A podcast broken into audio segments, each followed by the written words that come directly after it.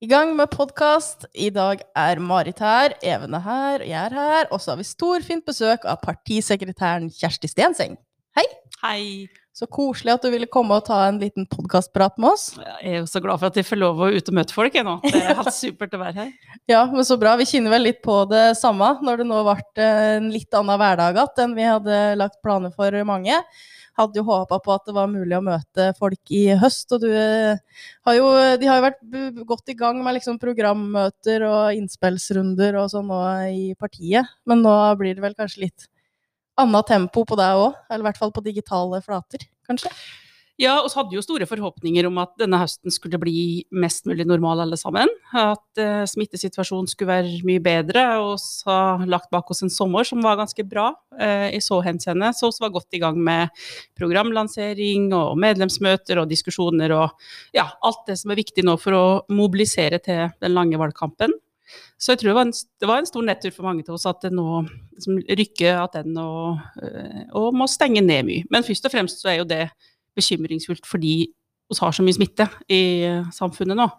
Eh, så det er helt riktig å gjøre det som skal til for å, å, å um, ja, sørge for at vi har det trygt sånn helsemessig alle sammen. Men, eh, men, det er en utfordring å nå folk og drive aktivitet og mobilisere og, eh, ja, og inkludere alle i mm. partiarbeidet når vi er i koronasituasjonen. Så det er vi forberedt på at vi må dette året her, og sånn i partisammenheng, blir ganske annerledes enn, det vi er vant til når vi uh, driver valgkamp. Ja, vi mister jo ganske mye av den her altså møte folk fysisk er jo det viktigste gjør, fordi at det er det som egentlig er det mest mobiliserende. men men det jeg syns Arbeiderpartiet har gjort veldig bra da, når en først har hatt denne krevende situasjonen, er at vi har hatt mye hyppigere og tettere kontakt med partiledelsen, oss som sitter ute som ordførere, fylkesordførere.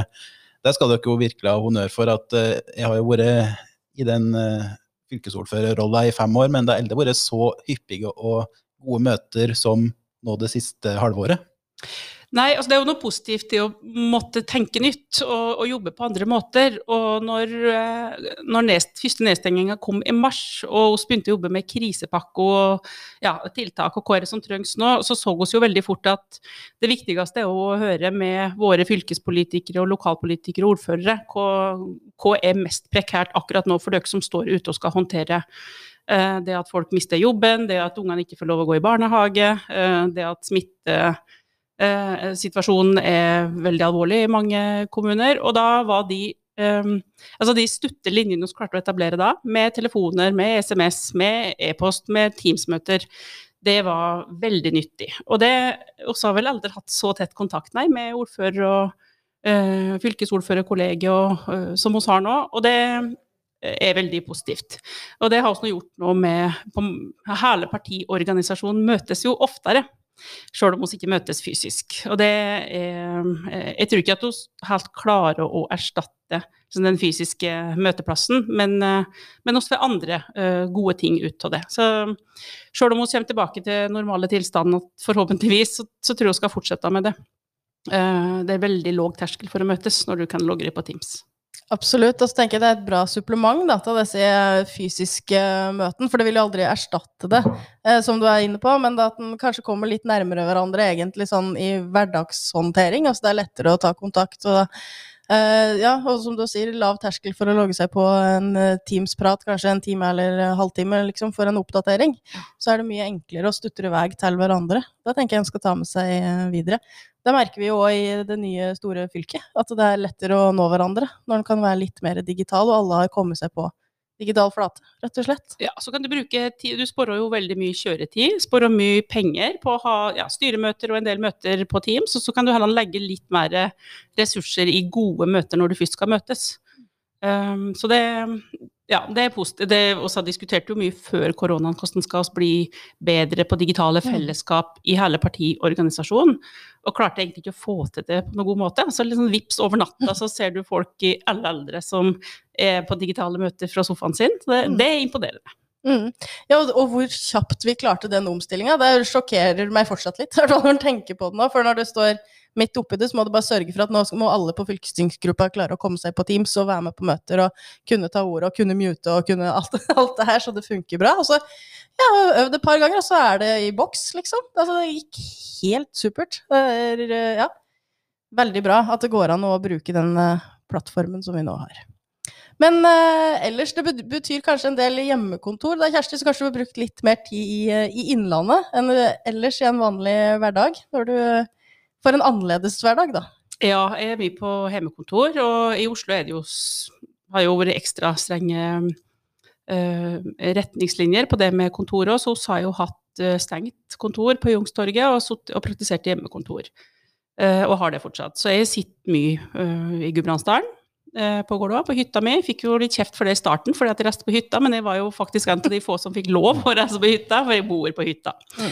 Så jeg satt der i min ensomhet uh, gjennom mars og april, og er der nå. Og det, altså, det er fint uh, å sitte hjemme og, uh, og ha møter, og privilegert når du bare kan gå ut og ta en liten fjelltur i lunsjen. Og, så jeg har ingenting å klage over, men, eh, men du savner kollegaene dine, og du savner de sånn, daglige møteplassene og lunsjen og alt det viktige, den viktige praten som skal skje mellom møter, som blir borte. Mm. Så jeg skulle, og jeg savner å ta omkring folk og klemme på folk og ta på folk og ja, alt det fysiske, altså sosiale og kontakten og alt det som blir borte. Så det går vel litt sånn i bølgedaler hvor deprimert vi blir til å sitte hjemme og være i vårt eget selskap, men det tror jeg alle kjenner litt på.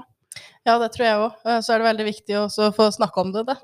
Som jo prate om. eh, ja, ofte er innom her, her i Og så blir ungene blir litt irritert, for at jeg har noen store eh, voksne jenter egentlig, men de må finne seg i at du duller og koser mye mer med dem da enn du gjør til vanlig. Ja, og det må de tåle, tenker tåle, jeg. Ja, nei, mine, mine små da, var jo nå en ny runde med at det måtte stenges litt på eh, skolen eh, for, for å forhindre spredning av smitte, og det har vært heldigvis bare fire dager med stengt, eh, eller hjemmeskole da, eh, som det har vært, men det har også vært ikke godt mottatt, for jeg tror unga husker, selv om de er relativt små, så husker de hva som skjedde i mars, og hvor lenge du måtte være uten venner, Eh, og at du allerede som seks- og sjuåring og til og med fireåringen, så syns du det er stusslig, altså. at du ikke kan være sosial. Så det var møtt med tårer at det var stengt skole. Og så tenker jeg det òg er jo litt godt, da. Da har du det bra på skolen, da. Mm. eh, når det er trist at du ikke kan være der. Men eh, ja, altså, du vokser jo opp med det her, da. eh, dum som er barn nå. Jeg lurer på hva det vil bety. Det vet vi jo ikke ennå. Eh, men jeg tror jo det gjør noe med oss som folk denne her tida, som Ja. vil forandre oss på et slags vis. Jeg tror at det vil ha store negative konsekvenser. Og det er klart, hvis du er i en livssituasjon som, ja, som jeg og så mange av oss er, der det, uh, du ikke merker de store negative konsekvensene for din egen del, så er det lett å tenke at hjemmekontor er ok, i hvert fall en periode. Men for folk som Og så vet du hvor mange nå som er permittert, som står i fare for å miste jobben. Uh, bedriftseiere som står i fare for å miste livsverket sitt. Folk som har mista folk, folk som er syke, eh, folk som er i risikosona, som har sittet alene siden mars og ikke sett familien sin, barnebarna sine.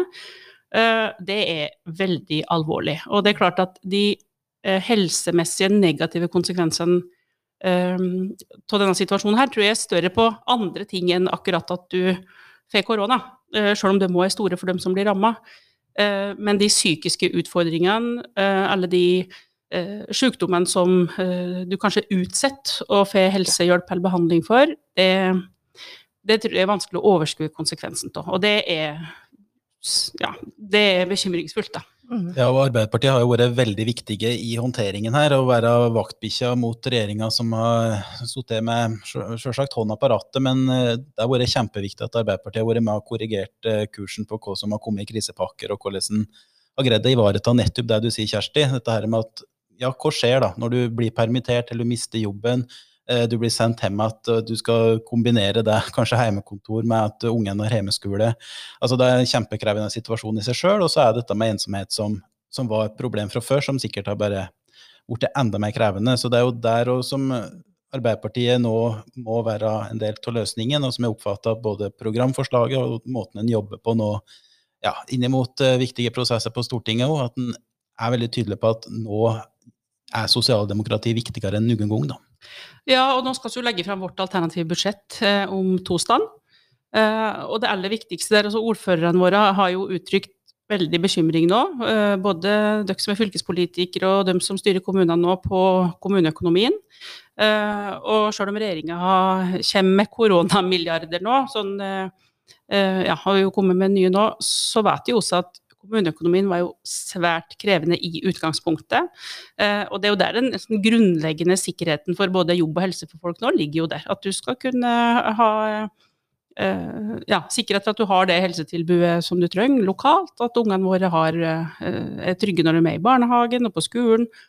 Så det er kanskje det viktigste signalet nå, at vi sørger for at kommunene har handlingsrom til å gjøre det som er helt nødvendig. Og så Eh, ser oss jo Og det er veldig bra at opposisjonen klarte å finne i hop i sterkere krisepakker og tiltakspakker i vår, for det som lå på bordet fra regjeringa var på ingen måte godt nok. Og jeg tenker at Det viktigste nå er helse, sikre helsetjenesten uh, og inntektssikring for folk som står ute av jobb, uh, og som skal gå på dagpenger i en lang periode nå. Og Der kjempa vi jo lenge for bare å få utvida permitteringsregelverk og sikre at folk faktisk fikk utbetalt dagpenger. Og det må være det viktigste nå, tenker jeg, å sikre arbeid, eh, trygghet for inntekt og helsa til folk i, i det budsjettet som Oslo legger fram nå.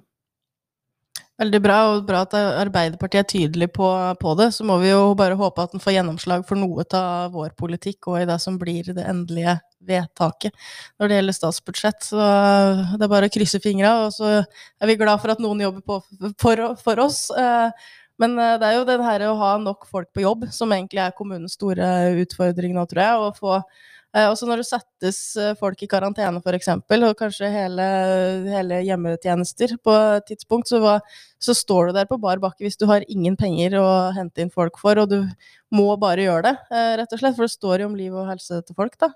Så det er liksom hverdagen for kommunepolitikere nå, som i tillegg til det som var krevende fra før. Så jeg tror, jeg tror, ikke det er eh, den morsomste høsten for, eh, for noen akkurat nå, av flere grunner. Nei, og de som har sti i førstelinja nå, og jobba siden mars, folk er ganske Altså det er noen som har sti på ekstremt hardt og jobba veldig mye. Så det å sikre penger til økt bemanning og det at vi faktisk nå ser ut til at vi skal stå i den situasjonen kanskje gjennom hele vinteren òg, mm. Eh, er ganske prekært. Og så jo regjeringa, En av kjepphestene til regjeringa er jo privatisering av helsevesenet vårt. Uh, og eh, lanserte, har jo lansert fritt behandlingsvalg, som egentlig bare betyr uh, fri rett for alle kommersielle aktører til å etablere seg. Det satte de jo på vent og avlyste under koronaen. Uh, og det viser jo bare at det, altså det, det, er ingen som har ropt etter mer privatisering i den situasjonen hos deg nå, i krisetid. det funker veldig dårlig. Det er jo den felles helsetjenesten vår som har vært det absolutt viktigste. og som har gjort at vi har kommet såpass bra gjennom denne situasjonen her, som vi tross alt har gjort, sammenligna med f.eks. Sverige, som har storstilt privatisering til sin eldreomsorg. Mm. Viktig påminning for hva det betyr egentlig for livet til folk. Det tror jeg en uh, ikke får kommunisert uh, nok. Altså i hvert fall ikke for mye. så da må vi jo bare legge oss på minnet at politikken vår funker, da. så håper jeg jo at folk òg har hukommelse og veit det når det òg skal være stortingsvalg neste år. Ja, og kampen for sånn, vår felles velferd og vår felles helsetjeneste blir jo en av de viktigste å nå inn i, inn i den lange valgkampen vår. Mm. Uh, og krisa som hun sier nå, har bare understreka hvor viktig det er. Mm. Så blir jo valgkampen noe annerledes, da. Eh, du, jobber jo, eller du er jo helt sentral i å planlegge den uh, lange valgkampen òg. Uh, så må en jo finne nye måter å drive det på, da. Nå som vi kanskje ikke får stått på stand og gått på husbesøk, sånn som vi har brukt på. Men dette har de vel òg jobba med nå helt siden egentlig i vår. Ja, og så før, da. Ja. og så har jeg gjort det. Og så visste jo uansett at valgkamper blir jo mer og mer digitale. Så folk er på alle digitale flater, og det foregår politisk diskusjon på Facebook og sosiale medier døgnet rundt. Uh, slik at uh, det var en jo forberedt på. Men vi var jo ikke forberedt på at vi ikke skulle uh, være ute. Eh, så når eh, koronaen oppsto i mars, så hadde vi planlagt storstilt vårkampanje med husbesøk, og hadde utvikla nytt husbesøkverktøy. Og, altså det var utrolig viktig, ut og møte folk. Så gjorde vi om det til et ringe, eh, ringeverktøy i stedet, ganske fort. Så det har vi jobba med nå, at når vi ikke kan besøke folk, så må vi ta kontakt med folk på andre måter. Og da blir det å ta telefonen og ringe til folk viktigere. Og så, så hadde jo høstkampanje nå i høst, og jeg sto på stand Eh, den lørdagen. Mange av oss var ute, og da har du ingenting å dele ut. Ikke har du rose, ikke har du materiell, du må holde avstand.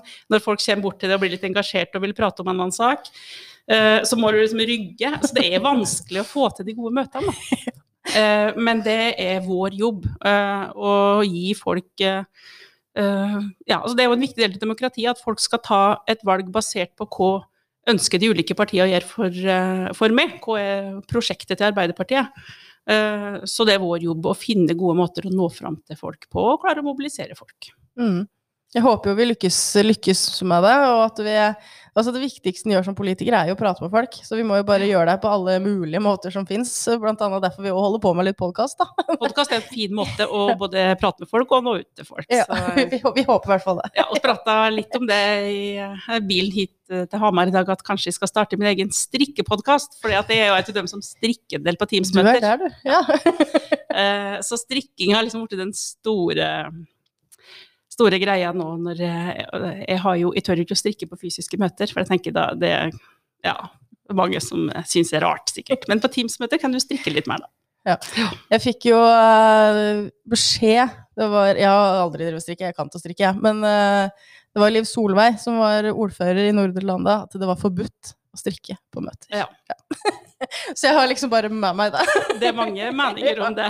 Ja, det er det. Men på Teams er det meste På. Teams er det meste lov. Så jeg har testa ut å strikke på møter, for jeg tenker at jeg skal ikke liksom gå foran og sette meg på første rad og strikke på alle møter. Det hadde ikke tid seg ut. Men jeg har testa det på et møte da, der du bare skal sitte og ta inn og høre på. Eh, og da fikk jeg en del sånn Å ja, sitte og strikke. Så da tenkte jeg ja, det gjør jeg. Og alle dere andre sitter med mobiltelefon og surfer. Ja. Har lekt på Facebook. Ja. Og det er ikke verre å strikke. Så, men Nei. den store strikkedebatten på møter, den fikk vi har tid til å ta her. men uh, jeg har i hvert fall kompensert for å være mindre uh, sosial, så har jeg kompensert med å strikke meg. Ja, men det er bra han har nå. Ja. er greit.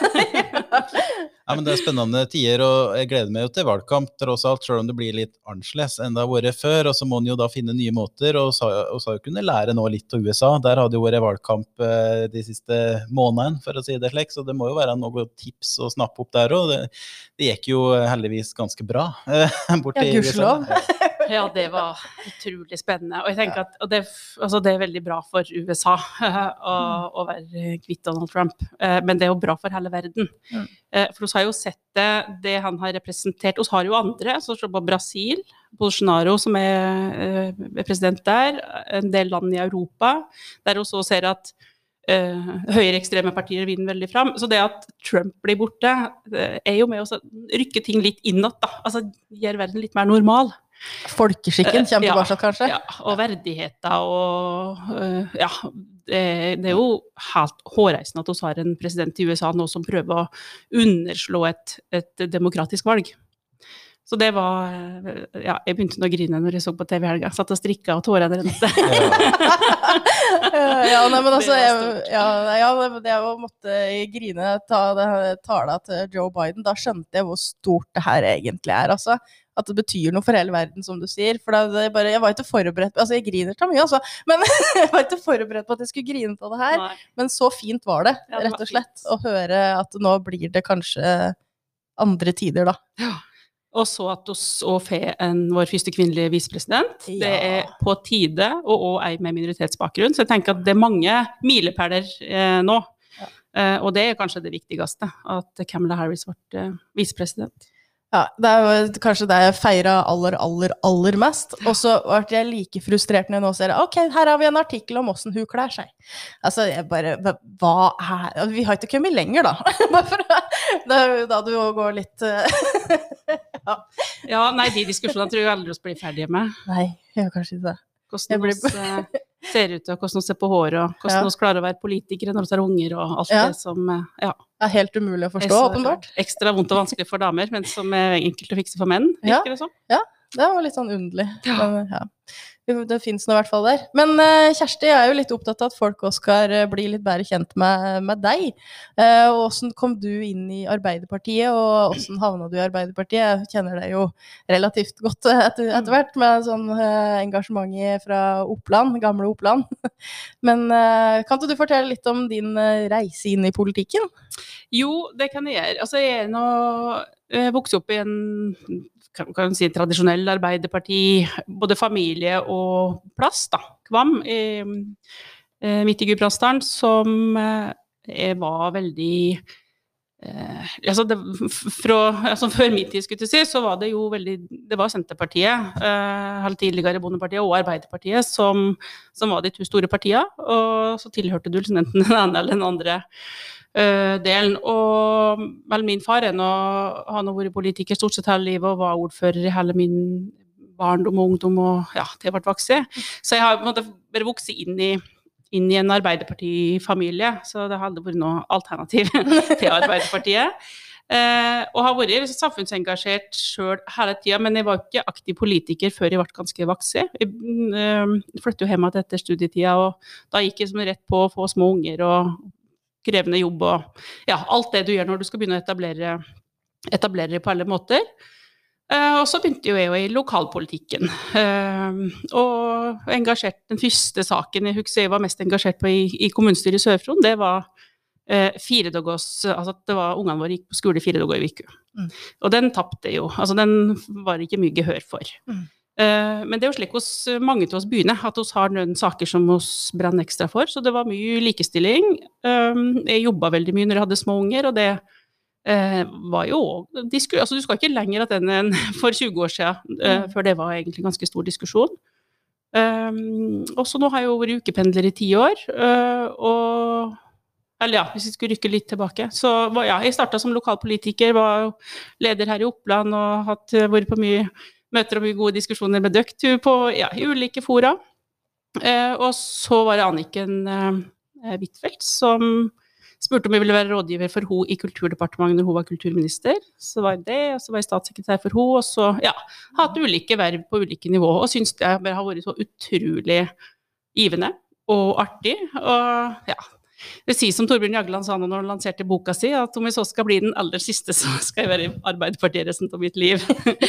eh, og det tenker jeg er fint at du kan gå ut og inn til ulike posisjoner. Jeg har vært like mye i vanlig arbeidsliv som, i, som heltidspolitiker, og det syns jeg har vært veldig verdifullt å ha. Mm. Liksom en fot litt i, i begge leirer, da. Mm. Eh, og så prøver jeg å Nå er jeg jo Som partisekretær så er det jo liksom ditt lodd i livet å være upopulær og ta mye upopulære avgjørelser og håndtere alt som er dritt. Og, ja, så jeg har jo brukt mye tid på det jeg ble partisekretær i 2015. Eh, dårlige valg og mye konflikter i partiet og ja. Altså, så, jeg vil jo si at vi har stor sympati med alt du har fått i fanget, jeg må jo bare si det! Altså, men, eh, ja. men, det å være partisekretær er ikke noen sånn popularitetskonkurranse. Sant? Det er noe med å prøve å håndtere det som er uh, i partiet, og se framover og, og, planlegge de viktige prosessene som er, er viktigst for å bevare medlemsdemokratiet. Da. Eh, gode programprosesser, gode valgkamper. Eh, hvordan klarer vi å liksom, bygge organisasjonen vår? Og det har vært krevende nå fordi oss, det har jo ikke vært de beste åra for oss, med dårlige valg og, og også hatt mye og vanskelige interne saker. Så jeg, eh, nå har jeg liksom bare blikket festa på ett år fram i tid. Arbeiderpartiet inn i regjering, bygge partiorganisasjon og først og fremst at Norge skal få, folk i Norge skal få en ny regjering som er opptatt av å redusere forskjellene mellom folk og uh, ja, alt det som uh, også har ergra oss mye over med snart åtte år med høyreregjering. Mm. mm. Kjempeviktig. Det er jo det oss uh, jobber for alle sammen og ser fram til at oss må få. Uh, og så beskrev du jo veldig godt den breie bakgrunnen du har, egentlig bare på noen setninger her nå. Og dette med at du har mye arbeidserfaring, og så har du vært med helt ifra lokalplanet i Oppland eh, og fylkespartileder. Og, og, jeg har lyst til å bare nevne at du var jo fylkespartileder eh, i 2011 når, eh, ja, under 22. juli. For oss som òg var midt oppi det. Så det er veldig spesielt å tenke attende på. Men du spilte jo en veldig viktig rolle for oss der òg, i Oppland. Og det er jo en del ting en har vært igjennom da, som gjør at en er godt rusta til å håndtere litt og kort, når en først får det i fanget som partisekretær og nå. Så jeg tenker jo at uh, det, er, det, er, en trygghet da, for oss at uh, du kjenner partiet vårt godt og AUF godt, og selv om du har gjort mye annet. Ja, Det er jo den største krisa eh, oss har vært gjennom i Arbeiderpartiet. Og mange av dere som var helt direkte berørt, og alle oss som, ja, som var i partiet og hadde ulike posisjoner i partiet da, så har jeg bare lyst til å si to ord om det. fordi at Altså, det har jo uh, både forma oss og, og, vært en del av hverdagen til alle Arbeiderpartiet si, nå i snart ti år. Uh, og neste år er det jo altså ti år, og det jobbes jo ganske mye med nå. Hvordan vi skal bruke det året på å både ta de store, vanskelige diskusjonene uh, om altså, Har vi lært noe av det? Og hva har vi lært av det? Løfte diskusjonen om at høyreekstremisme er på frammarsj. altså hatytringer og ekstremisme er, står dessverre veldig sterkt i, samfunnet i dag. Da. Og så ser jo det på terroraksjon etter terroraksjon. Uh, og så har opplevd det i Norge etterpå, og så opplevd det i Europa og, og ellers i verden.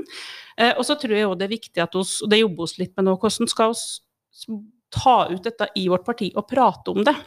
Jeg tror så Gjennom de ti åra har det vært ganske vanskelig å prate om det, fordi det har vært overlevende, pårørende, folk som ja, Du vet aldri hvor mye kan jeg si og hvor mye kan jeg prate åpent om det som skjedde 22.07. Så det jobber vi en del med nå, for å bruke det året på en, på en god måte. Da, til både internt i partiet, men også løfte de viktige diskusjonene om høyreekstremisme. Veldig, veldig viktig. Og så må det aldri bli sånn at vi er redd for å prate om det. For det tror jeg jo mange Eh, vi skal si voksne politikere, da. Jeg vet ikke hva jeg er. Men altså, er at du blir litt redd for å tråkke på noens tær. Sånn at du, frykten for å si noe i det hele tatt blir for stor. Eh, og det er kanskje det aller skumleste, syns jeg. Hvis vi bare ikke snakker om det. Ja. Så jeg er veldig glad for å høre det du sier nå. Og de som har vært virkelig modige disse ti åra, er jo AUF. Både først den jobben som er gjort med både gjenreising og, og klare å både bevare og utvikle Utøya på den måten som det er gjort, uh, men ikke minst det å tørre altså, sette ord på det som ja, det hatet og det konsekvensene av det uh, 22.07. faktisk var. Da. Der har mange hatt for mye berøringsangst rundt det temaet. Det håper jeg at vi skal klare å, å bryte litt gjennom den lydmuren i løpet av neste år òg. Mm. Det håper jeg jo at vi kan klare som storsamfunn, egentlig, å endelig gjøre. Eh, veldig bra. Tusen takk for det du har bidratt med og til å gjøre det, Kjersti. Både som når du var fylkesleder for oss, men òg nå som partisekretær. Det tror jeg er eh, helt nødvendig støtte da, og for AUF for å gjøre det de har jo gjort i en krevende tid. At en har, har, partiet med seg, selv om det er de som ofte står, eh, må stå i stormene, da, for det er de som er helt sentrale. Men eh, en trenger òg den partiapparatet. Så Tusen takk for at du òg tok deg tid til å være med på podkast. Det gikk veldig fort med tida. Bare, ja, så mye mer du skulle prate om. Ja, det var det. Jeg hadde så mye mer på hjertet. Men uh, tusen hjertelig takk uh, for at du kom, Kjersti. Vi er glad for å ha deg i den rollen du har i dag. Veldig kjekt å få besøk. Yay!